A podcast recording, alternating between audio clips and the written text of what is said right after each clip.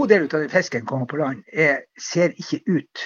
Den, det, det, det, kan ikke eh, sjømatnasjonen Norge være bekjent av. Det sier Edgar Henriksen, som nettopp er gått av med pensjon etter å ha forsket på fiskerinæringa i en årrekke. Dette er Tekfisk, podkasten om teknologi og forskning i sjømatnæringa. I denne podkasten kommer Henriksen med noen tips til hvordan fiskeriene kan bli mer lønnsomme, men også til hvordan fiskeripolitikken kan bli mer ærlig. Han intervjues av meg, Kjersti Kvile. Edgar Henriksen, du har vært forsker ved Nofima i 14 år. Og har sett på bl.a. bearbeiding, kvotesystem, lønnsomhet og, og kvalitet. Hva er det mest interessante du har tatt tak i? Det er kanskje koblinga av de problematikkene som du tar opp nå, og, og hvordan fiskerinæringa eh, fungerer i forhold til, til samfunnet og spesielt i forhold til, til, til bosetting i kystdistriktene. For de tingene, de tingene som du ramser opp, henger sammen. Ja, hvordan da?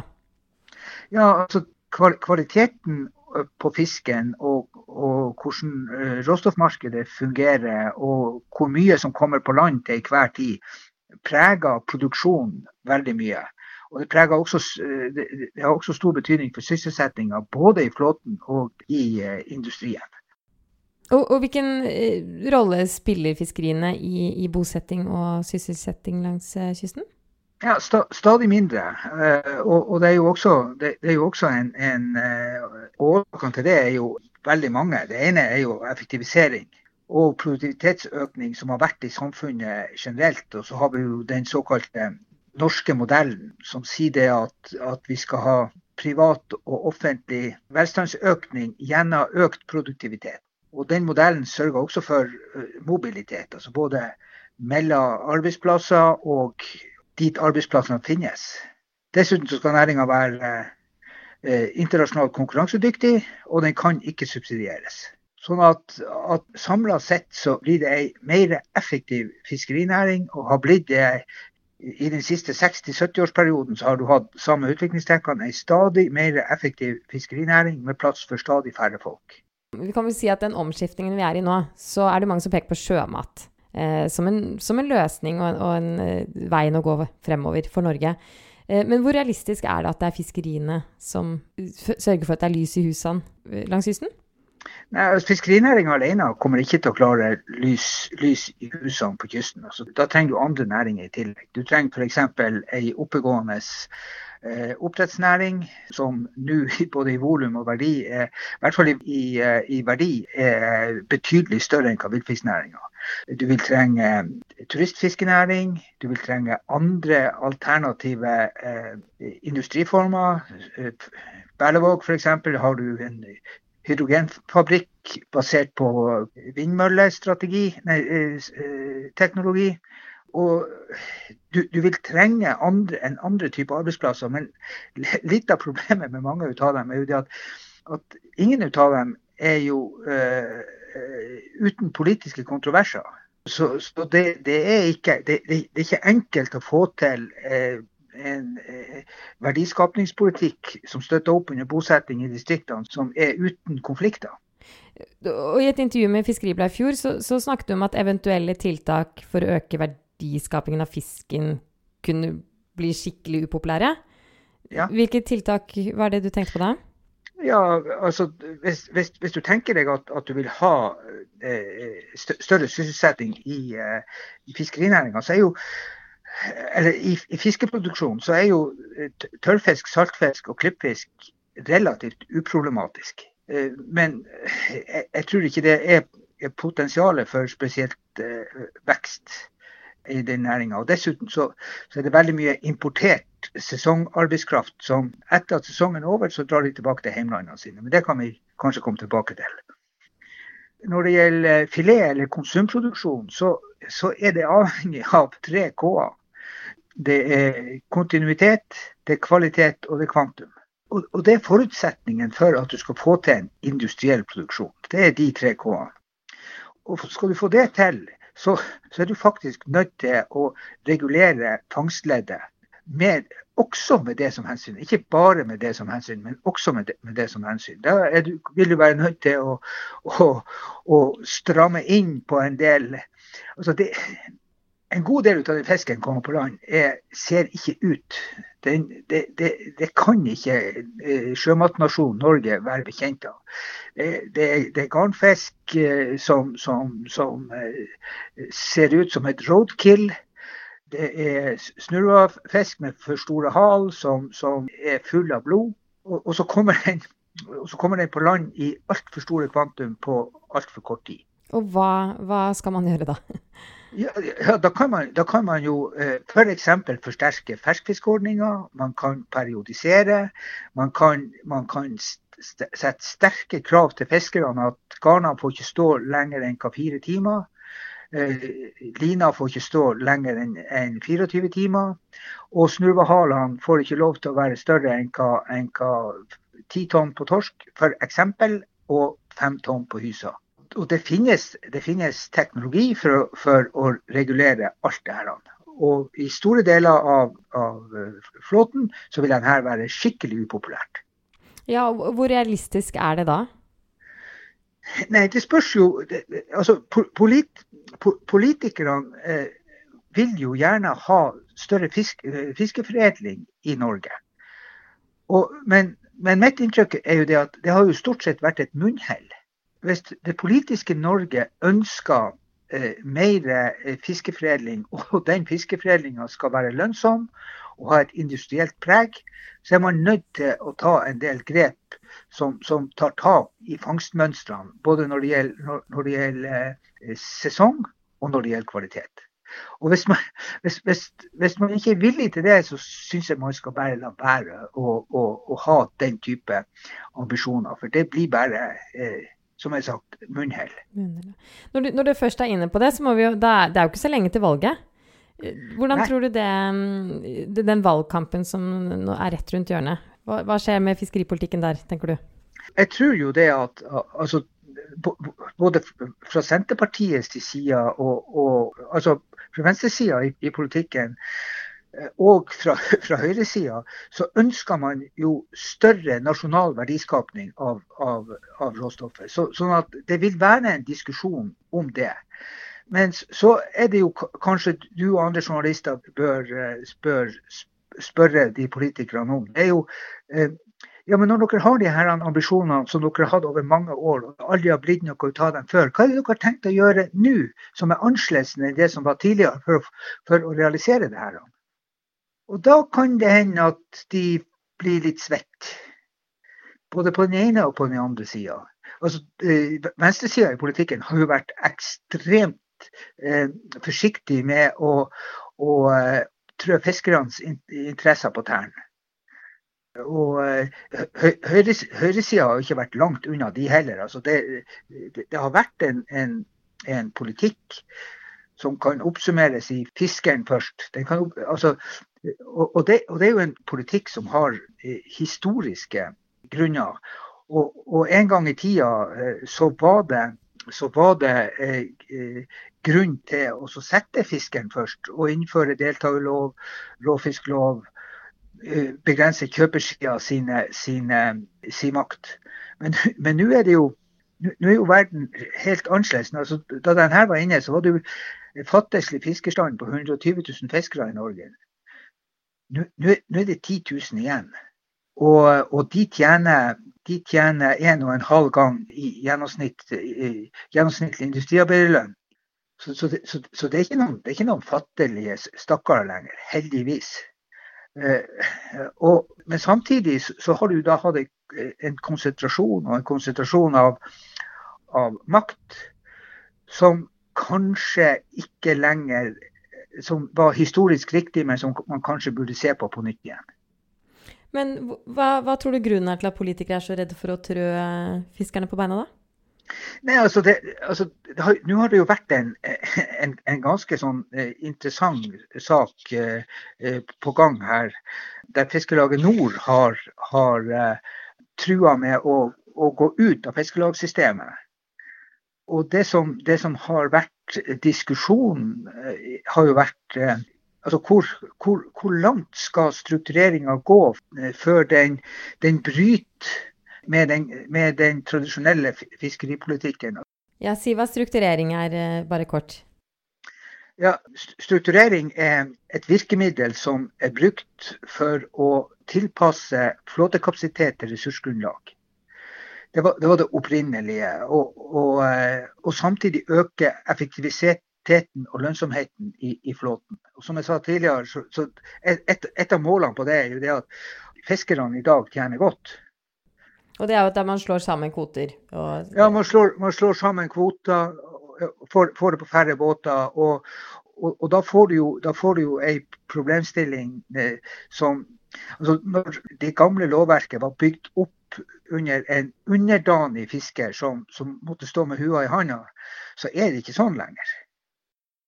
Og det er jo En av de største sakene de siste året har jo vært eh, kvotemeldingen, som skal se ja. på hvordan dette kvotesystemet skal være i framtida. Hva, hva, tenker du om den? Ja, altså, det, det, det, det tenker jeg er at her ligger jo en en god del av stridskjerner i, i fiskeripolitikken. Og, og, og de, som, de, som, har vært for den, mel, eh, den meldinga, de har jo sagt at eh, stopp. altså Strukturering er vel og bra, men det er jo grenser for, for hvordan man skal gjøre denne her. Og opprinnelig var det noen, ei, fordeling. Spørsmålet er skal den gamle fordelinga uh, være den som, som, skal være styrende, eller skal man si det at uh, eh, utviklinga må få lov til å fortsette å gå sin gang? Altså da vil det være stadig færre og stadig større aktører. Ja, og den, jo, den, den kampen er jo ikke landet på noe vis. Hva, hva tror du vil skje fremover? Nei, altså det, det, er jo, det, er jo, veldig spennende å se hva, hva som skjer nå eh, internt i, i Fiskelaget. For, for det, som, det, som, har vært mantraet til Fiskelaget, er jo at fiskerne skal snakke med én stemme. Og Det som har kommet fra Fiskelaget Nord, det er jo det at ja, det er vel og bra, men det er ikke likegyldig hva den stemmen sier.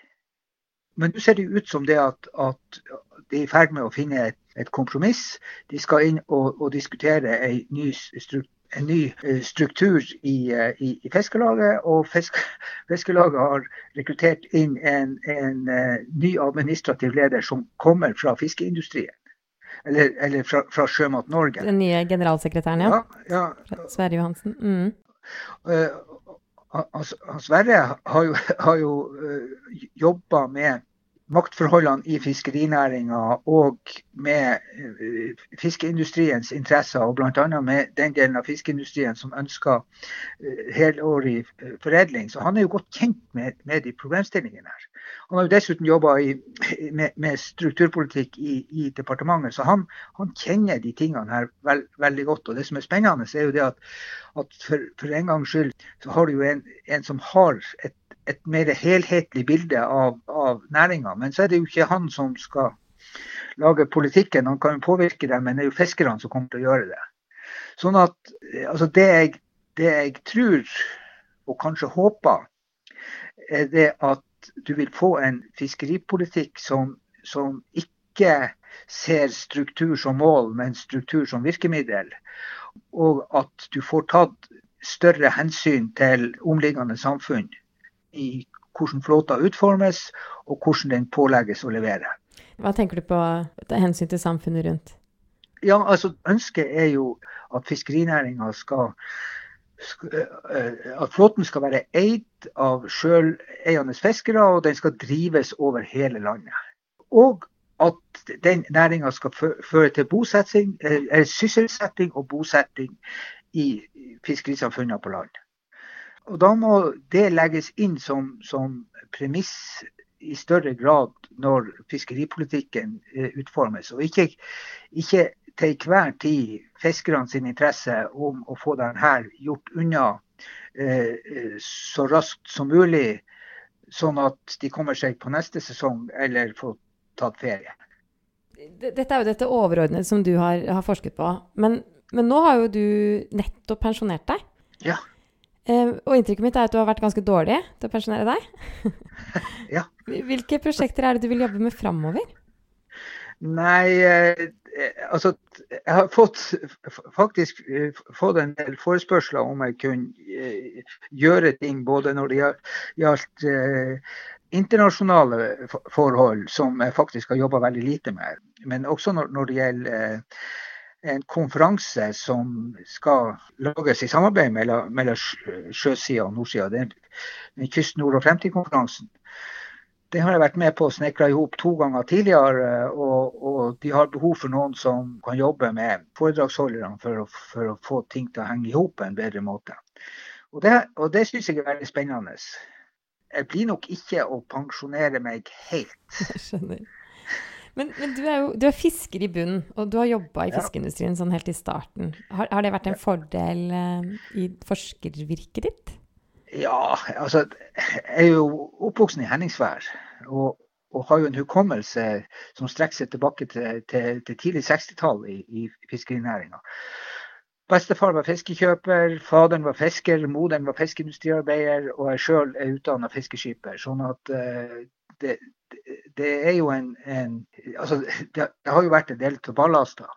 Og så har jeg, jobba som, både for fiskeindustrien og som samfunnsplanlegger. Og, og så, så, det er jo, det, det er jo ting som, som, har vært med på å, å ut, det, den som jeg har blitt som forsker, og, og, og de tingene som jeg har syntes har vært interessant å jobbe med. Altså det, det, at ting skal henge i hop, syns jeg er, er, viktig. Kan det være at forskere og forvaltere at de, de er vokst opp litt for langt unna fiskebåter og fiskemottak i, i dag?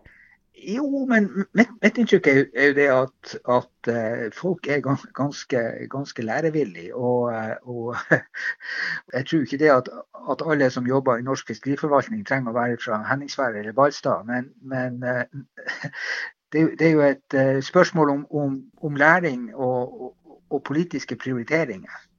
Ja, Hva tenker du på da?